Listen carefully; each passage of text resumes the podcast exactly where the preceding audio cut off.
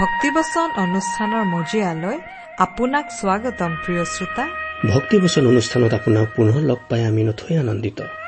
আশা কৰো এই অনুষ্ঠানত প্ৰচাৰ হোৱা বাক্যসমূহে আপোনাৰ ব্যক্তিগত জীৱনত অলপ হলেও সহায় কৰিছে। ঈশ্বৰ এগৰাকী সৰ্বশক্তিশালী ব্যক্তি। তেওঁ পৃথিৱী আকাশমণ্ডল আৰু সৌৰজগতৰ সকলোকে নিজৰ ইচ্ছাৰে আৰু পৰাক্ৰমেৰে শৃংখলাবদ্ধভাৱে স্থিৰ কৰি থৈছে। তেওঁ প্ৰতিটো বিষয়কে একো একোটা নিয়মৰ অৰ্থাৎ নিজ নিজ সীমাৰ অন্তৰ্ভুক্ত কৰি ৰাখিছে। সেইকাৰণে সকলোবোৰ সুন্দৰকৈ চলি আছে। সেইবোৰৰ এটা বিষয়েও যদি নিজ নিয়মক চেৰাই যাবলৈ ধৰে তেন্তে সকলোবোৰ খেলি মেলি অৰ্থাৎ ধ্বংস আমাৰ জীৱনবোৰো তেনেকুৱা। আপোনাৰ মোৰ জীৱনটোকো ঈশ্বৰে বৰ সুন্দৰকৈ শৃংখলাবদ্ধভাৱে মংগলৰ আঁচনিৰে সজাই ৰাখিছে। ঈশ্বৰৰ পৰাক্ৰমী সুৰক্ষাৰ তলত আপোনাৰ জীৱন সদায় সুৰক্ষিত। তেওঁত আশ্ৰয় ললে। আপুনি জীৱনৰ প্ৰকৃত আনন্দ বিচাৰি পাব। তেওঁৰ বাক্যই আপোনাক তেওঁৰ বিষয়ে আৰু অধিককৈ জানিবলৈ সহায় কৰাৰ আশাৰে এয়া আপোনালৈ আগবঢ়াইছো। ভক্তিবচন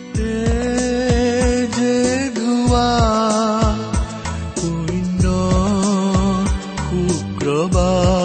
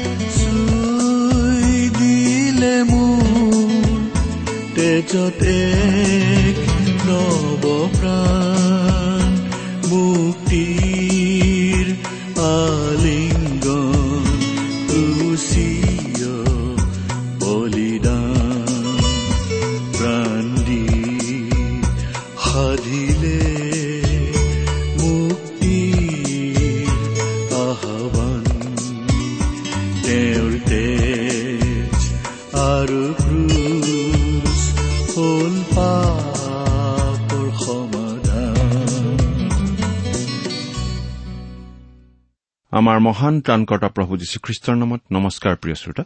আশা কৰো আপুনি ভালে কুশলে আছে। প্ৰিয় শ্ৰোতা আপুনি বাৰু আমাৰ এই ভক্তিবচন অনুষ্ঠানটো নিয়মিতভাৱে শুনি আছেনে? এই অনুষ্ঠান সম্বন্ধে আপোনাৰ মতামত আদি জনাই আমালৈ চিঠি পত্ৰ লিখিছেনে বাৰু? অনুগ্ৰহ কৰি আজি এই দুখাৰিমান লিখি পঠিয়াবচোন। আহকচোন আজিৰ বাইবেল অধ্যয়ন আৰম্ভ কৰাৰ আগতে খন্তেক প্ৰাৰ্থনাত মূৰ দুৱাওঁ। আমি প্ৰাৰ্থনা কৰো। স্বৰ্গত থকা অসীম দয়ালু কৰুণাময় পিতা তোমাৰ তুলনা নাই তোমাৰ প্ৰেম তোমাৰ কৰুণা তোমাৰ অনুগ্ৰহৰ কথা আমি বৰ্ণনা কৰি শেষ কৰিব নোৱাৰো।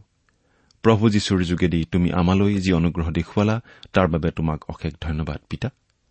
এতিয়া আমি তোমাৰ মহান বাক্য বাইবেল শাস্ত্ৰ অধ্যয়ন কৰিবলৈ আগবাঢ়িছো। তোমাৰ বাক্য তুমিয়েই আমাক বুজাই দিয়া।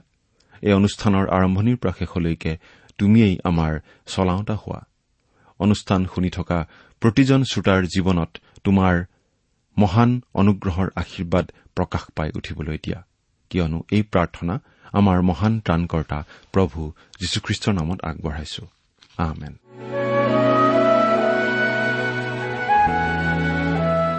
প্ৰিয় শ্ৰোতা আপুনি বাৰু আমাৰ আগৰ অনুষ্ঠানটো শুনিছিল নে যদিহে আপুনি আমাৰ আগৰ অনুষ্ঠানটো শুনিছিল তেনেহলে আপোনাৰ নিশ্চয় মনত আছে আমি কি অধ্যয়ন কৰিছিলো? আজি কিছুদিন ধৰি আমি বাইবেলৰ নতুন নিয়ম খণ্ডৰ থিচলনিকীয়াবিলাকৰ প্ৰতি প্ৰথম পত্ৰ বা চমুকৈ প্ৰথম থিচলনিকীয়া নামৰ পুস্তকখন অধ্যয়ন কৰি আছো। নহয় জানো?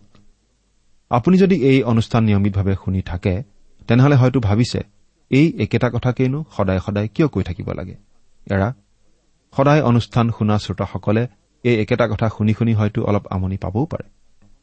কিন্তু আমাৰ এই অনুষ্ঠান প্ৰথমবাৰৰ বাবে শুনা লোকো আছে। হয়তো কোনোবাই বহুদিন বিৰতিৰ পাছত আমাৰ এই অনুষ্ঠান আজি শুনিছে। গতিকে সেইসকল শ্ৰোতাৰ কথা মনত ৰাখিয়েই আমি সদায় অলপ পাতনি মেলিব লগা হয়।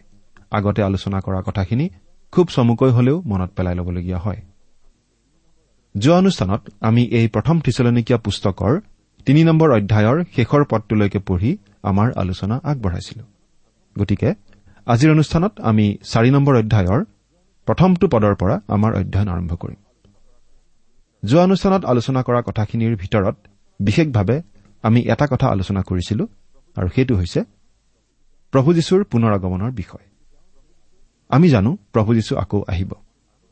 কিন্তু তেওঁৰ সেই আগমন আগৰ নিচিনা নহ'ব। তেওঁ প্ৰথমতে খ্ৰীষ্টীয় মণ্ডলীক এই পৃথিৱীৰ পৰা উত্তোলিত কৰিব। আমি সকলোবোৰ বিশ্বাসীয়ে তেওঁক আকাশত লগ ধৰিম। তাৰ পাছত তেওঁ সাধুসকলক লগত লৈ এই পৃথিৱীলৈ আহিব তেওঁৰ ন্যায় শাসন প্ৰতিষ্ঠা কৰিবলৈ। সেইটো হ'ব মহাক্লেশৰ শেষত। পাচনি পৌলে থিচলনিকিত থকা খ্ৰীষ্টীয় বিশ্বাসীসকললৈ লিখা এই পত্ৰখনত এই বিষয়টো বেছ গুৰুত্ব দি প্ৰকাশ কৰিছে। তেওঁৰ পৰিচৰ্যাৰ যোগেদিয়েই থিচলনিকীয়া লোকসকল খ্ৰীষ্টলৈ আহিছিল। তেওঁ খুব দৌৰা দৌৰিকৈ তেওঁলোকৰ মাজৰ পৰা আঁতৰি আহিব লগা হৈছিল আৰু যাবলৈ ইচ্ছা কৰিও তেওঁলোকৰ মাজলৈ যাব পৰা নাছিল বহুদিনলৈকে। সেইবাবে তেওঁ তিমঠিয়ক পঠিয়াই দিছিল থিচলনিকীয়া লোকসকলৰ মাজলৈ যাতে তেওঁলোকক নানা ধৰণৰ শিক্ষা দি তেওঁলোকৰ বিশ্বাস অধিক দৃঢ় কৰিব পাৰে। পাচনি পৌলে নিজে তেওঁলোকৰ মাজলৈ আহিবলৈ ইচ্ছা কৰি আছিল আৰু তেওঁ প্ৰাৰ্থনা কৰিছে যাতে ঈশ্বৰে তেওঁৰ পথ সুগম কৰি দিয়ে আৰু তেওঁ আহিব পাৰে। তেওঁ এই আশা ব্যক্ত কৰিছিল তেওঁলোকৰ মাজত যেন প্ৰেম দিনে দিনে উপচি পৰে। তেওঁলোকলৈ তেওঁৰ যেনেকুৱা প্ৰেম ঠিক তেনেকৈ যাতে প্ৰভু যীশুৰ আগমনৰ সময়ত তেওঁলোক পিতৃ ঈশ্বৰৰ আগত পবিত্ৰতাত নিৰ্দোষীৰূপে উপস্থিত হ'ব পাৰে। প্ৰভুৱে যাতে তেওঁলোকৰ মাজত প্ৰেম উপচাই দিয়ে। আজি আমি চাৰি নম্বৰ অধ্যায়ৰ আলোচনা আৰম্ভ কৰিব খুজিছো। এই অধ্যায়টোৰ মূল বিষয়টো হৈছে খ্ৰীষ্টৰ পুনৰ আগমন আমাক শুদ্ধ কৰা আমাক পবিত্ৰ কৰা আশা। খ্ৰীষ্টৰ পুনৰ আগমন আমাক সান্তনা দিয়া আশা। অৰ্থাৎ প্ৰভু যীশু যে আকৌ আহিব সেই আশাটোৱেই আমাৰ খ্ৰীষ্টীয় জীৱনত বিশেষভাৱে প্ৰভাৱ পেলোৱা উচিত। এতিয়া আমি বাইবেলৰ পৰা পাঠ কৰি দিব খুজিছো। চাৰি নম্বৰ অধ্যায় প্ৰথম পদ। শেষতে হে ভাইবিলাক কি ৰূপ আচৰণ কৰি ঈশ্বৰক সন্তুষ্ট কৰিব লাগে এই বিষয়ে আমাৰ পৰা যি শিক্ষা গ্ৰাহ্য কৰিলা আৰু সেইদৰে আচৰণ কৰি চাও তাৰ ফলত তোমালোক অধিক অধিককৈ উপচি পৰিবলৈ আমি প্ৰভু যীশুত তোমালোকক বিনয় কৰিছো আৰু উদগাইছো। এই পুস্তকখনৰ এই অংশটোত বিশেষভাৱে শিকোৱা হৈছে প্ৰভু যীশুৰ পুনৰাগমনৰ কথা মনত ৰাখি এই পৃথিৱীত খ্ৰীষ্টীয় বিশ্বাসীসকলে কেনেদৰে জীৱন কটোৱা উচিত সেই কথা। এই গোটেই বিষয়টো এটা সৰু শব্দত সাঙুৰি থোৱা হৈছে। শব্দটো হ'ল আচৰণ। এই বিষয়টো আমি বাৰ নম্বৰ পদতো বিশেষভাৱে পাওঁ। আচলতে এইটোৱেই হৈছে প্ৰভু যে আকৌ আহিব সেই আগমনৰ আশাৰ ব্যৱহাৰিক দিশ। আমি সেই দিনটোলৈ অতি আগ্ৰহেৰে বাট চাওঁ। যিদিনা প্ৰভুক আকাশত লগ পাবলৈ আমাক প্ৰতিজন খ্ৰীষ্টীয় বিশ্বাসীক এই পৃথিৱীৰ পৰা উঠাই নিয়া হ'ব। কিন্তু প্ৰিয় শ্ৰোতা তেতিয়ালৈ আমাৰ ভৰি এই মাটিতে লাগি থাকিব আৰু আমি এই পৃথিৱীতে চলা ফুৰা কৰি থাকিব লাগিব। যেতিয়ালৈকে প্ৰভু যীশুৱে আমাক উঠাই লৈ নাযায় আমি এই পৃথিৱীতে দিন কটাব লাগিব। আমি ইয়াতে জীৱন ধাৰণ কৰিব লাগিব। আৰু আমি এনেদৰে দিন নিয়াব লাগিব এনেদৰে আচৰণ কৰিব লাগিব যাতে তাৰ দ্বাৰা ঈশ্বৰ সন্তুষ্ট হয়। কি ৰূপ আচৰণ কৰি ঈশ্বৰক সন্তুষ্ট কৰিব লাগে। এই বিষয়ে আমাৰ পৰা যি সাক্ষ্যগ্ৰাহ্য কৰিলা তাৰ ফলত তোমালোক অধিক অধিককৈ উপচি পৰিবলৈ। আমি অধিক অধিককৈ উপচি পৰিব লাগে। অৰ্থাৎ আমি দিনে দিনে উন্নতি কৰি থাকিব লাগে। দিনে দিনে আম্মিক দিশত বৃদ্ধি পাই থাকিব লাগে। আমি প্ৰভু যীশুৰ জ্ঞান আৰু অনুগ্ৰহত বৃদ্ধি পাই থাকিব লাগে। খ্ৰীষ্টীয় বিশ্বাসীজনৰ আচৰণৰ বিষয়টো অতি দৰকাৰী বিষয়। এই বিষয়টো বাইবেলত খুব গুৰুত্ব দি কোৱা হৈছে। আমি আগতেও এই বিষয়ে আলোচনা কৰি আহিছো। এই কথাটো ইয়াতো গুৰুত্ব দি কোৱা হৈছে। খ্ৰীষ্টীয় বিশ্বাসীসকলে যি খুচি তাকে কৰিব নোৱাৰে কৰা উচিত নহয়। প্ৰভু যীশুৱে যি বিচাৰে সেইদৰেহে আচৰণ কৰিব লাগে। আমি কেনেদৰে আচৰণ কৰো তাৰ দ্বাৰাই প্ৰকাশ পায় আমি কেনেকুৱা মানুহ আমি যদি খ্ৰীষ্টীয় বিশ্বাসী লোক তেনেহলে আমাৰ আচৰণত সেই কথা প্ৰকাশ পাই উঠিব লাগে। আমি প্ৰভু যীশুত তোমালোকক বিনয় কৰিছো আৰু উদগাইছো। থিচলনিকীয়া বিশ্বাসীসকলে যাতে ঈশ্বৰক সন্তুষ্ট ৰাখিবলৈ আচৰণ কৰে সেইবাবে পৌলে বিশেষভাৱে অনুৰোধ কৰিছে। তেওঁ বিনয় কৰা বুলি কৈছে। তেওঁলোকক তেনেদৰে আচৰণ কৰি জীৱন ধাৰণ কৰিবলৈ তেওঁ তেওঁলোকক উদগনি দিছিল। এই উদগনি বা অনুৰোধ কেৱল তেওঁলোককেই যে দিছে এনে নহয় প্ৰতিজন খ্ৰীষ্টীয় বিশ্বাসীকেই দিয়া হৈছে। আজি আমাকো কোৱা হৈছে ঈশ্বৰক সন্তুষ্ট কৰিবলৈ আচৰণ কৰা উচিত। ঈশ্বৰক আমি কেনেদৰে সন্তুষ্ট কৰিব পাৰো বাৰু? আমি কৰা কাৰ্যই যদি প্ৰভু যীশুৰ গৌৰৱ আনে ঈশ্বৰ সন্তুষ্ট হয়। আমাৰ জীৱনত যদি প্ৰভু যীশুকেই কাৰ্য কৰিবলৈ দিওঁ ঈশ্বৰ সন্তুষ্ট হয়। আমি যদি ঈশ্বৰৰ আজ্ঞাসমূহ মানি চলি জীৱন কটাওঁ ঈশ্বৰ সন্তুষ্ট হয়। মুঠতে আমি আমাৰ আমন্ত্ৰণৰ যোগ্য আচৰণ কৰিলে ঈশ্বৰ সন্তুষ্ট হয়। দ্বিতীয় পদ। কাৰণ প্ৰভু যীশুৰ নামৰ দ্বাৰাই আমি তোমালোকক কি কি আদেশ দিছিলো তাক তোমালোকে জানা। থিচলনিকীয়া বিশ্বাসীসকলে কেনেদৰে জীৱন কটোৱা উচিত সেই বিষয়ে পাচনি পৌলে তেওঁলোকক কিছুমান আজ্ঞা দিছিল। আমি ইতিমধ্যে পঢ়ি আহিছো যে প্ৰভু যীশুৱে তেওঁৰ শিষ্যসকলক কিছুমান আজ্ঞা দিছিল। ইয়াৰে কিছুমান নতুন আজ্ঞা আছিল। এই কথাটো আমি অলপ বিশেষভাৱে মন কৰা উচিত। পাপী লোকৰ পৰিত্ৰাণৰ ক্ষেত্ৰত দহ আজ্ঞাৰ কোনো ভূমিকা নাই। খ্ৰীষ্টীয় বিশ্বাসীসকলৰ দৈনন্দিন জীৱনৰ আচৰণৰ ক্ষেত্ৰতো দহ আজ্ঞাৰ ভূমিকা নাই। খ্ৰীষ্টীয় জীৱনৰ আচৰণৰ মানদণ্ড দহ আজ্ঞা নহয়। ঈশ্বৰে যি দহ আজ্ঞা দিছিল সেই দহ আজ্ঞা আছিল আমাৰ ঘৰগিৰি শিক্ষকৰ দৰে। আমাক হাতত ধৰি স্কুললৈ লৈ যোৱা শিক্ষকৰ দৰে। কণমানি শিশু এটিক হাতত ধৰি যেনেকৈ স্কুললৈ লৈ যোৱা হয় তেনেকৈ ঈশ্বৰৰ দহ আজ্ঞাই আমাক খ্ৰীষ্টৰ ক্ৰুচৰ কাষলৈ লৈ আনি কয় বোপা তুমি নিজে নিজক উদ্ধাৰ কৰিব নোৱাৰা কাৰণ তুমি স্বভাৱতেই দুৰ্বল আৰু পাপী। তোমাক এজন ত্ৰাণকৰ্তাৰ প্ৰয়োজন। সেই ত্ৰাণকৰ্তাই হৈছে যীশুখ্ৰীষ্ট। ঈশ্বৰৰ দহ আজ্ঞা হৈছে এখন আইনাৰ নিচিনা য'ত আমি স্পষ্টভাৱে নিজৰ প্ৰকৃত স্বৰূপটো দেখা পাওঁ। আমাক উদ্ধাৰ কৰিবলৈ দহাজ্ঞা দিয়া হোৱা নাছিল। আমি যে পাপী আৰু আমাক যে এজন ত্ৰাণকৰ্তাৰ প্ৰয়োজন সেই কথাটো দেখুৱাই দিবলৈহে দহাজ্ঞা দিয়া হৈছিল। এইটোৱেই আছিল দহাজ্ঞাৰ উদ্দেশ্য। অৱশ্যে খ্ৰীষ্টীয় বিশ্বাসীসকলৰ কাৰণে কিছুমান আজ্ঞা দিয়া হৈছে। খ্ৰীষ্টীয় বিশ্বাসীসকলৰ বাবে জীৱনৰ এটা মানদণ্ড ধৰি দিয়া হৈছে যিটো দহ আজ্ঞাতকৈ উচ্চ পৰ্যায়ৰ। আমি পাঁচ নম্বৰ অধ্যায়ত পঢ়িবলৈ পাম যে বিশ্বাসীসকলক বাইশটা আজ্ঞা দিয়া হৈছে। এতিয়া আমাৰ মাজত নিশ্চয় প্ৰশ্ন উঠিব। যদিহে মানুহে দহ আজ্ঞা মানি চলিব নোৱাৰিলে তেনেহলে তাতকৈ উচ্চ পৰ্যায়ৰ আজ্ঞানো মানুহে কেনেকৈ মানি চলিব? এই কথা বাইবেলত অতি স্পষ্টভাৱে লিখা হৈছে যে মানুহে দহ আজ্ঞা পালন কৰাত ব্যৰ্থ হৈছিল। এই দহ আজ্ঞা দিয়া হৈছিল ইছৰাইল জাতিক আৰু ইছৰাইল জাতিয়ে আজ্ঞা লংঘন কৰিছিল। এই কথাটো চিমুন পিতৰে স্বীকাৰ কৰি কৈছিল। বাইবেলত আমি এনেদৰে পাওঁ তাতে অনেক বাট বিচাৰ হলত পিতৰে উঠি তেওঁবিলাকক কলে হে ভাইসকল পৰজাতি লোকে যেন মোৰ মুখৰ পৰা শুভবাৰ্তাৰ বাক্য শুনি বিশ্বাস কৰে এই নিমিত্তে ইয়াৰ ভালেদিনৰ আগেয়ে ঈশ্বৰে তোমালোকৰ মাজত মোক মনোনীত কৰিলে। ইয়াক তোমালোকে জানি আছা। আৰু অন্তৰ্যামী ঈশ্বৰে যেনেকৈ আমাক তেনেকৈ তেওঁবিলাককো পবিত্ৰ আত্মা দি তেওঁবিলাকলৈ সাক্ষ্য দিলে। আৰু বিশ্বাসেৰে তেওঁবিলাকৰ হৃদয় সূচী কৰি আমাৰে তেওঁবিলাকৰে মাজত একো প্ৰভেদ নাৰাখিলে। এইকাৰণে আমাৰ পিতৃসকলে আৰু আমিও যি জুৱলীৰ ভাৰ সহিব নোৱাৰিলো তাক এতিয়া শিষ্যবিলাকৰ কান্ধত দি কিয় ঈশ্বৰৰ পৰীক্ষা কৰা? কিন্তু তেওঁবিলাকে যেনেকৈ আমিও তেনেকৈ প্ৰভু যীশুৰ অনুগ্ৰহৰ দ্বাৰাইহে পৰিত্ৰাণ পালো বুলি বিশ্বাস কৰিছো। পাচনিৰ কৰ্ম পোন্ধৰ অধ্যায় সাতৰ পৰা এঘাৰ পদ। আৰু যদিহে আমি দহ আজ্ঞা পালন কৰাত ব্যৰ্থ তেনেহলেনো খ্ৰীষ্টীয় আচৰণৰ উচ্চ পৰ্যায়ৰ আজ্ঞাসমূহ কেনেদৰে পালন কৰিব পাৰিম? আচলতে মানুহে নিজৰ শক্তিৰে এই কাম কৰিব নোৱাৰে। এই কামটো বিশ্বাসীসকলৰ হৃদয়ত বাস কৰা পবিত্ৰ আত্মাৰ শক্তিৰেহে কৰিব পাৰিম। এই কথাটো আমি আঠ নম্বৰ পদত পাওঁ। কাৰণ প্ৰভু যীশুৰ নামৰ দ্বাৰাই আমি তোমালোকক কি কি আদেশ দিছিলো তাক তোমালোকে জানা।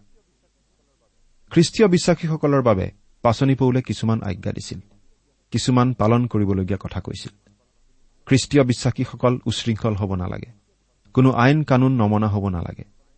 খ্ৰীষ্টীয় বিশ্বাসীসকলে অনুশাসন মানি চলা উচিত আৰু খ্ৰীষ্টৰ প্ৰতি বাধ্য হৈ চলা উচিত। এই সম্বন্ধটো হোৱা উচিত প্ৰেমৰ সম্বন্ধ। আমি প্ৰেমৰ দ্বাৰাই অনুপ্ৰাণিত হোৱা উচিত। প্ৰভু যীশুৱে কৈছিল তোমালোকে যদি মোক প্ৰেম কৰা মোৰ আজ্ঞাবোৰ পালন কৰিবা। জোহন চৈধ্য অধ্যায় পোন্ধৰ পদ। এতিয়া তিন নম্বৰ পদটো পঢ়িছো। কিয়নো ঈশ্বৰৰ ইচ্ছা এই যে তোমালোকে যেন পবিত্ৰতা লাভ কৰা অৰ্থাৎ তোমালোক যেন বেবিচাৰৰ পৰা পৃথকে থাকা। পবিত্ৰতা লাভ কৰা প্ৰক্ৰিয়াটোক পবিত্ৰীকৰণ বুলি কোৱা হয়। এই শব্দটো শুনিলে খুব ভাল লাগে। কিন্তু প্ৰায়েই ইয়াৰ আচল অৰ্থ প্ৰকাশ নাপায়। আমি শাস্ত্ৰ অধ্যয়ন কৰিলে দেখো যে পবিত্ৰীকৰণৰ কেইবাটাও অৰ্থ আছে। এই শব্দটো যেতিয়া যীশুখ্ৰীষ্টৰ প্ৰসংগত ব্যৱহাৰ কৰা হয় তেতিয়া এই কথাটো বুজোৱা হয় যে তেওঁৱেই আমাৰ পবিত্ৰীকৰণ তেওঁৱেই আমাৰ পবিত্ৰতা। গতিকে ই মাত্ৰ এটা পাপহীন অৱস্থাক নুবুজায়। কিন্তু আমাক খ্ৰীষ্টীয় বিশ্বাসীসকলক যে ঈশ্বৰৰ উদ্দেশ্যে পৃথক কৰি ৰখা হ'ল সেই কথাটো বুজায়। উদাহৰণস্বৰূপে চিমুন পিতৰে কৈছিল মানুহবিলাকে পবিত্ৰ আত্মাৰ দ্বাৰাই চালিত হৈ ঈশ্বৰৰ পৰা কথা পাই কলে। দ্বিতীয় পিতৰ প্ৰথম অধ্যায় একৈশ পদ। এই যিবোৰ মানুহক পবিত্ৰ লোক বুলি কোৱা হৈছে তেওঁলোকৰ বহুতেৰে জীৱনলৈ চালে আমি পবিত্ৰ লোক বুলি ক'ব নোৱাৰো। উদাহৰণস্বৰূপে মচি নৰহত্যাকাৰী আছিল। ইমানবোৰ সুন্দৰ সুন্দৰ গীত ৰচনা কৰা ডায়ুদো আছিল এজন নৰবধী। কিন্তু তেওঁলোকো পবিত্ৰীকৃত লোক আছিল কাৰণ তেওঁলোকক ঈশ্বৰৰ কাৰণে পৃথক কৰি লোৱা হৈছিল। খ্ৰীষ্টীয় বিশ্বাসীসকলৰ পবিত্ৰীকৰণৰ কামটো কৰে পবিত্ৰ আত্মাই। এইটো খুব দৰকাৰী বিষয়। গতিকে আমি ইয়াৰ তিনিটা দিশ চমুকৈ উল্লেখ কৰিব খুজিছো। অৱস্থানমূলক পবিত্ৰীকৰণ। ইয়াৰ অৰ্থ হৈছে খ্ৰীষ্টকেই আমাৰ পবিত্ৰীকৰণ কৰা হ'ল। আমাক প্ৰিয়জনাত অৰ্থাৎ খ্ৰীষ্টত গ্ৰহণ কৰা হ'ল। গতিকে খ্ৰীষ্টক গ্ৰহণ কৰি এই মুহূৰ্তত আমি যিমান পৰিত্ৰাণ পাইছো তাতকৈ আৰু অধিক আমি পাব নোৱাৰো। আমি কোন তাৰ ভিত্তিত আমাক গ্ৰহণ কৰা নহয়। কিন্তু খ্ৰীষ্টই আমাৰ বাবে যি কৰি থৈ গ'ল তাৰ ভিত্তিতহে।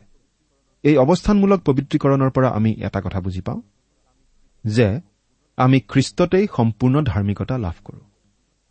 দ্বিতীয়তে ব্যৱহাৰিক পবিত্ৰীকৰণ। ইয়াৰ অৰ্থ হৈছে পবিত্ৰ আত্মাই আমাৰ জীৱনত কাৰ্য কৰি আমাৰ আচৰণত পবিত্ৰতা প্ৰকাশ কৰা কাৰ্য। এই ব্যৱহাৰিক পবিত্ৰীকৰণৰ প্ৰক্ৰিয়াটো কেতিয়াও সম্পূৰ্ণ সিদ্ধ নহয় যেতিয়ালৈকে আমি আমাৰ পুৰণি পাপপূৰ্ণ মাংসিক শৰীৰত বাস কৰি থাকো। আৰু তৃতীয়তে সম্পূৰ্ণ পবিত্ৰীকৰণ। সম্পূৰ্ণ পবিত্ৰীকৰণ ঘটিব ভৱিষ্যতত যেতিয়া আমি যীশুৰ নিচিনা হ'ম। যেতিয়াই আমি তেওঁৰ নিচিনা হ'ম তেতিয়া আন সকলো প্ৰক্ৰিয়া সম্পূৰ্ণ হ'ব।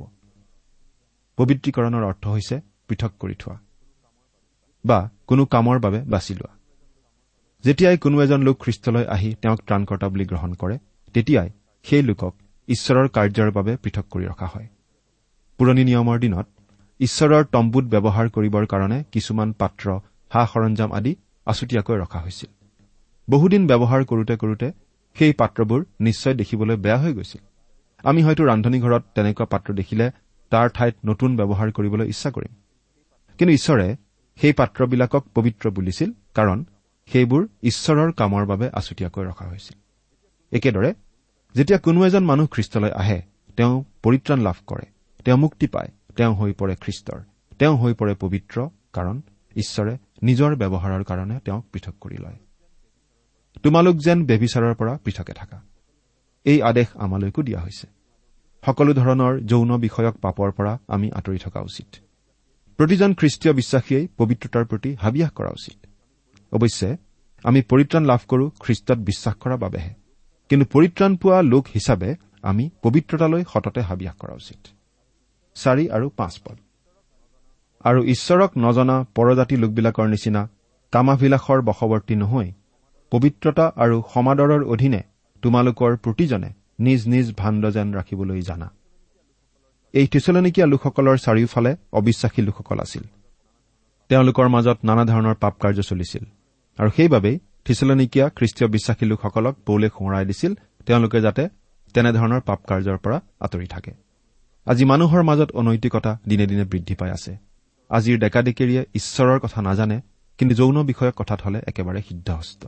কিন্তু আমাক ইয়াত কোৱা হৈছে মানুহে নিজৰ শৰীৰক বিবাহ অনুষ্ঠানৰ সময়লৈকে সম্পূৰ্ণ শুদ্ধ কৰি বচাই ৰাখিব লাগে। যেতিয়া কোনো লোকে তেওঁৰ শৰীৰক বিবাহৰ দিনলৈকে বচাই ৰাখে আৰু নিজৰ ভাৰ্যাৰ প্ৰতি বিশ্বাসী হয় তেতিয়াই তেওঁ নিজ নিজ ভাণ্ড ৰাখিবলৈ জনা বুলি ক'ব পাৰি। ছয় নম্বৰ পদটো পঢ়িছো। আৰু অত্যাচাৰ কৰি সেই বিষয়ে নিজ ভাইক যেন নঠগোৱা কাৰণ প্ৰভু এই সকলোৰ প্ৰতিফল দিওঁতা। এই বিষয়ে আমি আগেয়ে তোমালোকক কৈছিলো আৰু সাক্ষ্য দিছিলো। নিজ ভাইক যেন নঠগোৱা খ্ৰীষ্টীয় বিশ্বাসী লোকসকল সৎ হ'ব লাগিব। কাৰণ প্ৰভু এই সকলোৰে প্ৰতিফল দিওঁতা। এই কথাটো বহু খ্ৰীষ্টীয় বিশ্বাসীৰ জীৱনত ঘটা আমি দেখিছো। শুনিবলৈ পাইছো। ঈশ্বৰে প্ৰতিফল দিবই। সাত নম্বৰ পদটো পঢ়িছো। কিয়নো ঈশ্বৰে আমাক অসুচিতালৈ নহয় পবিত্ৰতালৈহে আমন্ত্ৰণ কৰিলে। ঈশ্বৰে আমাক পবিত্ৰতালৈহে আমন্ত্ৰণ কৰিলে। খ্ৰীষ্টত বিশ্বাস কৰি ঈশ্বৰৰ সন্তান হোৱাৰ পাছত আমি আৰু পাপত চলি থাকিব নোৱাৰো। আচলতে খ্ৰীষ্টত বিশ্বাস কৰাৰ পাছত পাপত মজি থাকিবলৈ কাৰো ইচ্ছা আৰু নাযায়। প্ৰিয় শ্ৰোতা আমি অৱশ্যে এইটো ক'ব খোজা নাই যে খ্ৰীষ্টত বিশ্বাস কৰাৰ পাছত মানুহে কোনো পাপ নকৰিব। খ্ৰীষ্টত বিশ্বাস কৰি ঈশ্বৰৰ সন্তান হোৱা লোকজনেও হয়তো কোনো দুৰ্বল মুহূৰ্তত অপথে গৈ পাপত কেতিয়াবা পতিত হ'ব পাৰে। আপোনাৰ নিশ্চয় সেই অপব্যয়ী পুত্ৰৰ কাহিনীটো মনত আছে? সেই অপব্যয় পুত্ৰই গাহৰিৰ গঁড়ালত থাকিবলগীয়া অৱস্থা নিশ্চয় হৈছিল। কিন্তু তেওঁ সেই গাহৰিৰ গঁড়ালতেই চিৰদিন থাকি যোৱা নাছিল। তেওঁ অনুতাপ কৰিছিল। তেওঁ পুনৰ নিজৰ পিতাকৰ ওচৰলৈ উভতি আহিছিল। ঠিক একেদৰে খ্ৰীষ্টীয় বিশ্বাসী লোক এজনে কেতিয়াবা পাপত পৰিলেও কেতিয়াবা পাপ কৰিলেও তেওঁ কিন্তু পাপত মজি থাকি আনন্দ নাপায়। পাপৰ পৰা উদ্ধাৰ পাবলৈ তেওঁ ইচ্ছা কৰিবই। তেওঁ পাপৰ ক্ষমা বিচাৰিবই। খ্ৰীষ্টক বিশ্বাস কৰা মানুহৰ চিন ইয়াতেই। আঠ নম্বৰ পদ পঢ়িছো। এতেকে যিজনে অগ্ৰাহ্য কৰে তেওঁ মানুহক নহয় কিন্তু যিজনাই নিজ পবিত্ৰ আত্মা তোমালোকক দিয়ে সেই ঈশ্বৰকহে অগ্ৰাহ্য কৰে।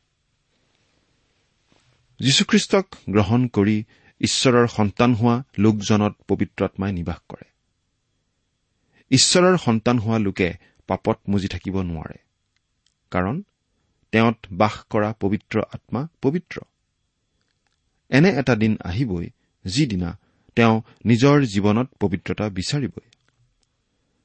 পবিত্ৰ আত্মাৰ যোগেদিহে আমি ঈশ্বৰৰ হকে জীয়াই থাকিব পাৰো। পৌলে গালাটীয়াবিলাকলৈ লিখা পত্ৰত আমি দেখিবলৈ পাওঁ যে ঈশ্বৰৰ সন্তান হোৱা লোকসকলে মাংসিকতাৰ পাপত লিপ্ত হ'ব নালাগে। বৰং তেওঁলোকৰ জীৱনত পবিত্ৰ আত্মাৰ ফলবোৰহে প্ৰকাশ পাই উঠা উচিত। ৰুমিয়া আঠ নম্বৰ অধ্যায়ৰ চাৰি নম্বৰ পদত পাচনি পৌলে এই কথাটো স্পষ্টভাৱে কৈছে। বিধানে মাংসৰ কাৰণে দুৰ্বল হোৱাত যি কৰিব নোৱাৰিলে কিয়? বিধান ভুল নেকি? ভুল নহয়। ঈশ্বৰে দিয়া দহ আজ্ঞাত কোনো ভুল নাই। কিন্তু সমস্যাটো হৈছে মানুহক লৈহে। বিধানক লৈ নহয়। মানুহে দহ আজ্ঞাৰ মানদণ্ড অৰ্জন কৰিব নোৱাৰে। মানুহে নতুন নিয়মৰ আজ্ঞাসমূহ মানি চলিও জীৱন কটাব নোৱাৰে। সেইবাবেই পবিত্ৰ আত্মা দিয়া হ'ল। খ্ৰীষ্টীয় বিশ্বাসীজনত নিবাস কৰা পবিত্ৰ আত্মাইহে ঈশ্বৰৰ মনঃপুত হোৱাকৈ জীৱন কটাবলৈ খ্ৰীষ্টীয় বিশ্বাসীজনক শক্তি সামৰ্থ যোগায়। ঈশ্বৰে পবিত্ৰত্মা দিয়ে প্ৰত্যেকজন খ্ৰীষ্টীয় বিশ্বাসীকেই। পৰিত্ৰাণ লাভ কৰাৰ পাছত আকৌ পবিত্ৰ আত্মা বিচাৰি প্ৰাৰ্থনা কৰিবৰ প্ৰয়োজন নাই। যি মুহূৰ্ততেই কোনো এজন পাপী লোকে খ্ৰীষ্টক নিজৰ ত্ৰাণকৰ্তা বুলি গ্ৰহণ কৰে সেই মুহূৰ্ততে তেওঁ পৰিত্ৰাণ লাভ কৰে তেওঁ ঈশ্বৰৰ সন্তান হয়। আৰু তেওঁৰ হৃদয়লৈ পবিত্ৰ আত্মা আহি তেওঁতেই নিবাস কৰিবলৈ লয়। তাৰ পাছত আমি আকৌ পবিত্ৰ আত্মা বিচাৰি প্ৰাৰ্থনা কৰিব নালাগে। কিন্তু পবিত্ৰ আত্মাৰে পূৰ্ণ হৈ থাকিবলৈহে আমি প্ৰাৰ্থনা কৰিব লাগে। আমি অনবৰতেই পবিত্ৰ আত্মাৰে পূৰ্ণ হৈ থাকিব লাগে আৰু এনেদৰে পবিত্ৰ আত্মাৰে পূৰ্ণ হৈ থাকিলেহে আমি ঈশ্বৰক সন্তুষ্ট কৰিব পৰা পবিত্ৰ জীৱন কটাব পাৰিম। তেওঁক সন্তুষ্টি দিয়া আচৰণ কৰিব পাৰিম। যিজনে অগ্ৰাহ্য কৰে তেওঁ মানুহক নহয়। যিজনাই নিজ পবিত্ৰ আত্মা তোমালোকক দিয়ে সেই ঈশ্বৰকহে অগ্ৰাহ্য কৰে। ঈশ্বৰেই মানুহক পৰিত্ৰাণ দিয়ে। ঈশ্বৰেই মানুহক পবিত্ৰ আত্মা দিয়ে। আজি আমি সেই সকলো পাব পৰা হৈছো যীশুখ্ৰীষ্টৰ যোগেদি। যীশুখ্ৰীষ্টক ত্ৰাণকৰ্তা বুলি গ্ৰহণ কৰিলেই আমি পৰিত্ৰাণ পাওঁ পবিত্ৰ আত্মা লাভ কৰো। এই মহা আনন্দৰ বাতৰি আমি আজিও ঘোষণা কৰি আছো। পৃথিৱীৰ বিভিন্ন ঠাইত বিভিন্ন লোকে এই শুভবাৰ্তা আজিও বিলাই আছে। এই বাৰ্তা যদি কোনোবাই অগ্ৰাহ্য কৰে তেন্তে সেই বাৰ্তা বিলোৱা মানুহজনক অগ্ৰাহ্য কৰা নহয়। কিন্তু স্বয়ং ঈশ্বৰক অগ্ৰাহ্য কৰা হয়। এই শুভবাৰ্তা বিশ্বাস নকৰা মানে ঈশ্বৰক মিছলীয়া বুলি কোৱাৰ নিচিনা হয়। আনহাতে যিজনে খ্ৰীষ্টৰ শুভবাৰ্তা বিশ্বাস কৰি গ্ৰহণ কৰে তেওঁ ঈশ্বৰকেই গ্ৰহণ কৰে। তেওঁ পবিত্ৰ আত্মা লাভ কৰে। তেওঁ হৈ পৰে ঈশ্বৰৰ নতুন সৃষ্টি। আপুনি বাৰু প্ৰভু যীশুক গ্ৰহণ কৰি ঈশ্বৰৰ পৰা সকলো আশীৰ্বাদ গ্ৰহণ কৰিছেনে? নে আপুনি আজিও ঈশ্বৰক অগ্ৰাহ্য কৰি আছে? খ্ৰীষ্টৰ শুভবাৰ্তা আপুনি নিশ্চয় শুনি আছে? কিন্তু সেই শুভবাৰ্তা অগ্ৰাহ্য কৰি আপুনি ঈশ্বৰক অগ্ৰাহ্য কৰাৰ নিচিনা ভুল নিশ্চয় নকৰে? ঈশ্বৰ আপোনাৰ সহায় হওক। আমেন। আমি মাথো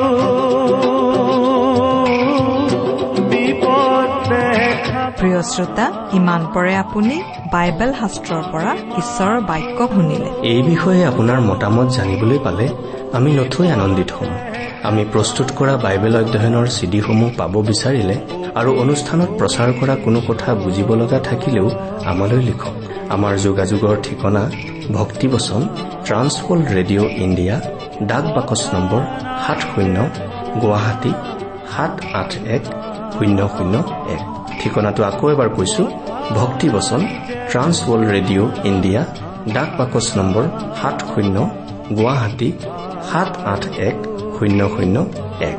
আমাৰ ইমেইল এড্ৰেছটো হৈছে Assamese T TV at the rate radio' eight eight two dot com. আমাৰ website W W W dot T W R dot in. আপুনি টেলিফোনৰ মাধ্যমেৰেও আমাক যোগাযোগ কৰিব পাৰে। আমাৰ টেলিফোন নম্বৰটো হৈছে nine eight five four zero' four zero' eight eight nine. Phone নম্বৰটো আকৌ এবাৰ কৈছো ন আঠ পাঁচ চাৰি শূন্য চাৰি শূন্য আঠ আঠ ন। আপুনি এই ভক্তিবচন অনুষ্ঠানটি আমাৰ website W W W dot radio' eight eight two dot কমতো শুনিব পাৰিব। আজিৰ অনুষ্ঠানটি ইমানতেই সামৰিছো। ঈশ্বৰৰ শান্তি আৰু অনুগ্ৰহ আপোনাৰ লগত থাকক। ধন্যবাদ। কান্দারি তুমি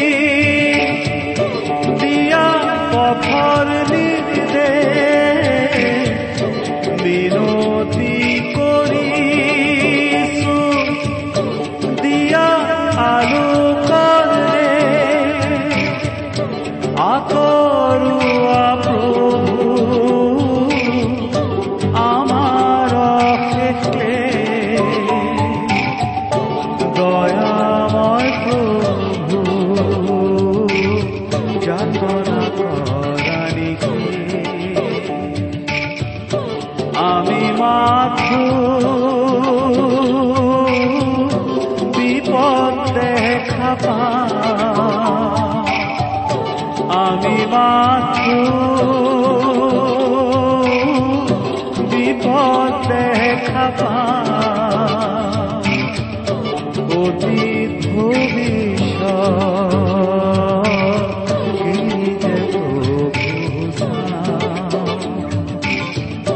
বথা নাই যে ভাঙা আমার বথা নাই যে ভাঙা